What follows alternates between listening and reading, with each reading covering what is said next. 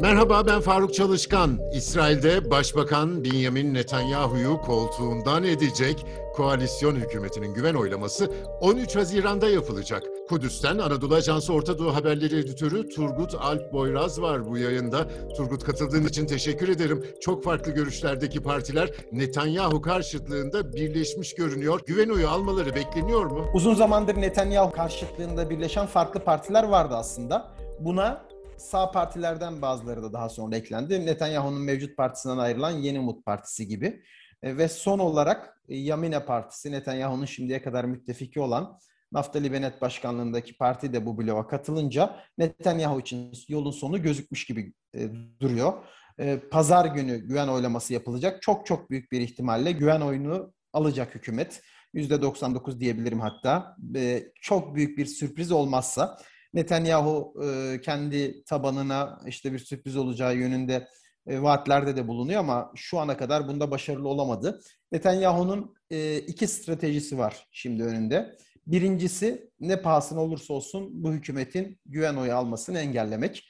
Bunun için yapabileceği bazı şeyler var.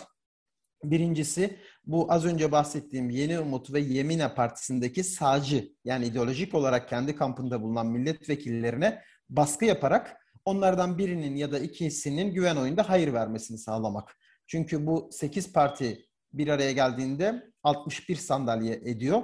Zaten 61 sandalye ihtiyaçları var güven oyunu almak için 120 sandalyeli mecliste. Eğer onlardan birisi hayır dese hükümet kurulmaz.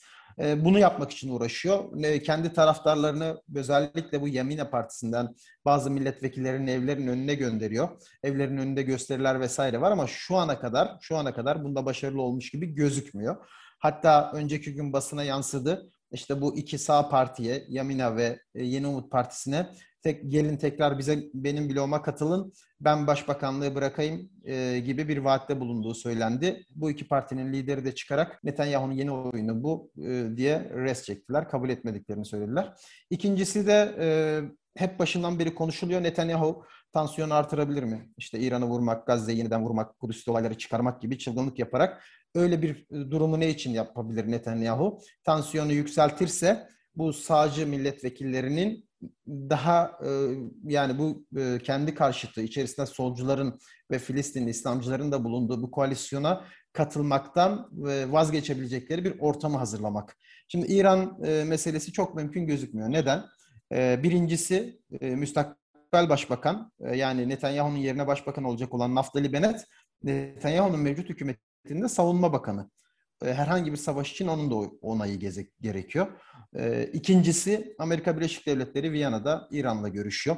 E, dolayısıyla böyle bir şey için İsrail'in muhakkak ki Amerika'dan da onay alması en azından biraz rızasını alması gerekir. O da çok mümkün gözükmüyor. Hizbullah'a ve İran'a karşı bir operasyon.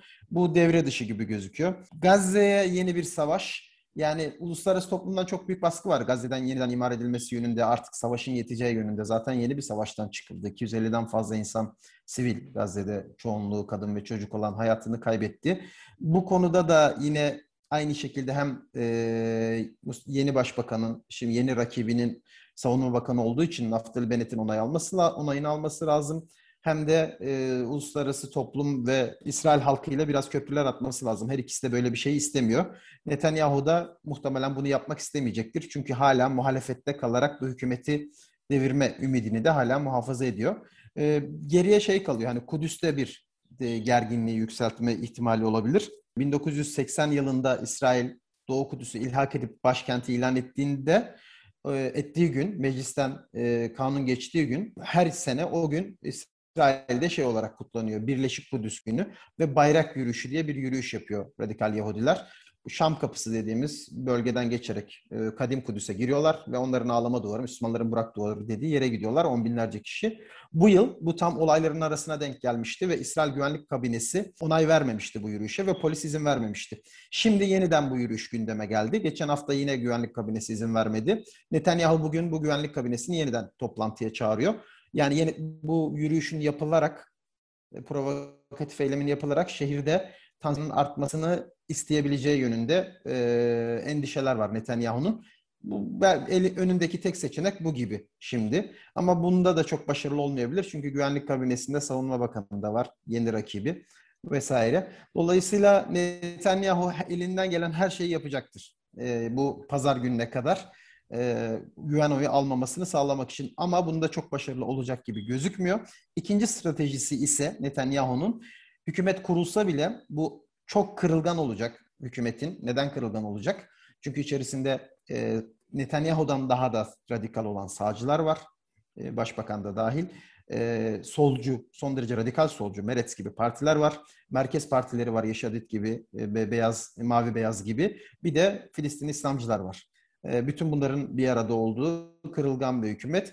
Dolayısıyla sürekli güven oyunu gündeme getirerek bu hükümeti düşürüp birkaç ay içerisinde, birkaç ay içerisinde seçime gitmeyi sağlamaya çalışacaktır. Ama burada Netanyahu'nun önünde duran en büyük e, meydan okuma muhtemelen kendi partisinin başında kalmayı başarabilmek. Yani Likud'a e, hakim olmayı başarabilmek olacak gibi duruyor. Neden? E, şimdiden basına yansıyan bazı şeyler var. Netanyahu e, hükümetteyken partisini nasıl bir arada tutuyordu?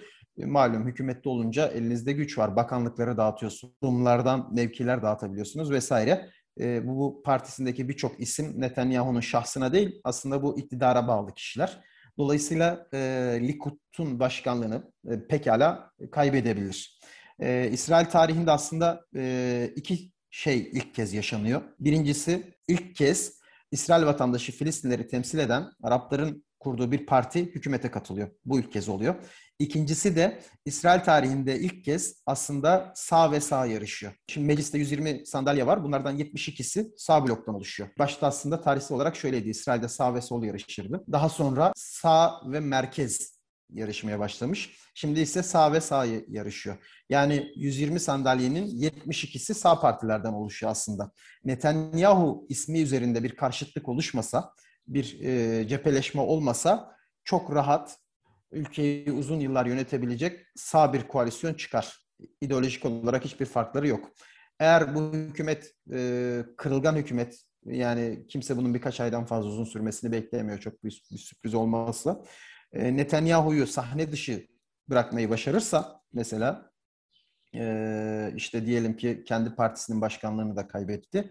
O zaman İsrail'de uzun yıllar iktidarda kalabilecek sağcı bir hükümetin de aslında e, önünü açılmış olabilir. Gen soru meselesinde nasıl olacak? Netanyahu bu gen soruyu kendisi e, vermeyecek büyük ihtimalle. Neden vermeyecek? E, şöyle izah edelim. E, hükümet kuruldu diyelim. Şimdi e, hükümeti yöneten başbakan Yemine Partisi'nden ve sürekli diyor ki biz işte bu yerleşim yeri, Filistin işgal altındaki Filistin topraklarındaki yerleşim yerlerini inşa etme politikamızdan vazgeçmedik. E, şimdi buna karşı çıkan Meretz gibi e, koalisyonda olan e, sol partiler sol bir parti var ve aynı zamanda Filistinlileri temsil eden, İsrail vatandaşı Filistinlileri temsil eden İslamcı bir parti var, RAM. Diyelim ki hükümet 2000 konutluk bir yeni yerleşim yeri Batı Şeria'da ya da Doğu Kudüs'te inşa etme kararı aldı. E, koalisyon anlaşmasına göre bütün partiler her şeye ortak oy verecekler yani birlikte. E, bu durumda elbette ki buna Filistinleri temsil eden parti karşı çıkacaktır. Netanyahu e, burada Netanyahu'nun e, sanki bu yerleşim yerine karşıymış gibi gen soru vermesi elbette ki doğru olmayacaktır ama burada burada devreye girecek olan mecliste bulunan Arap Partisi var. Ayman Oyde'nin başında olduğu aslında blok diyelim birkaç partiden oluşan Birleşik Arap Listesi. O Ayman Oyde onun başındaki kişi de hükümete katılan İslamcı Parti'nin liderinden hiç haz etmiyor. Bir taraf sosyalist diyebiliriz, solcu, bir taraf İslamcı. Yani tarihsel olarak düşmanlıkları var aslında. E, onlar hemen gen soru verecektir. Böyle bir durumda da hükümetin uzun vadeli olması da aslında çok çok beklenmiyor. Ama e, şuna da biraz değinelim isterseniz. İsrail tarihinde ilk kez bir Arap Parti koalisyona katıldı dedik. Bu iki taraflı bir değişim gibi gözüküyor. Sadece Filistinlerin, İsrail meclisindeki Filistinlerin pozisyonunda değil, e, İsraillerin pozisyonunda da. Hani onlar da şu ana kadar buna yanaşmıyorlardı. E, ve Mansur Abbas e, bu e, hükümete girecek olan partinin, Filistinli partinin, e, daha doğrusu İsrail vatandaşı Filistinleri temsil eden partinin lideri Mansur Abbas ne aldı? Birincisi çok büyük bir bütçe alabildi. İsrail vatandaşı 2 milyon Filistinli var, 9 milyon İsrail nüfusu var. Bunlardan 2 milyonu Arap. İşte Hayfa, Akka, Lid, Ümmül Fehim, Birüssebi gibi kentlerde çoğunluktalar ve buraların belediyeleri var. Buralardaki belediyelere verilmek üzere 13 milyar dolarlık bir bütçe almayı başardı. 53 milyar şekel İsrail parasıyla 13 milyar dolar. E, İkincisi İsrail vatandaşı Filistinli, e, Filistinlerin yaşadığı kentlerde, kasabalarda e, ayrımcılık vardı. Yani ev yıkımı çok fazlaydı. Ruhsat almak çok zordu ev yapmak için. Bazı zorluklar vardı. Bu konuda da ev yıkımlarının azaltılması maddesinde koalisyon anlaşmasına ekletebildi Mansur Abbas. Üçüncüsü ve bana göre bence en önemlisi de şu. E, şu ana kadar İsrail'in tapu vermediği, tanımadığı İsrail'in güneyindeki iki e, Filistin köyünün İsrail tarafından tanınması, tapu verilmesini sağladı. Böyle bir şeyin önünü açmış oldu. E, ve bunu Mansur Abbas seçimden önceki pozisyonu farklıydı ve daha sonra bu, bu yola girerek yapmadı. Kendi seçmeninin karşısına da bunu yapacağını başından beri ilan ederek çıkmıştı ve dört milletvekilini bu şekilde aldı. Yani seçmen bu yola gireceğini biliyordu.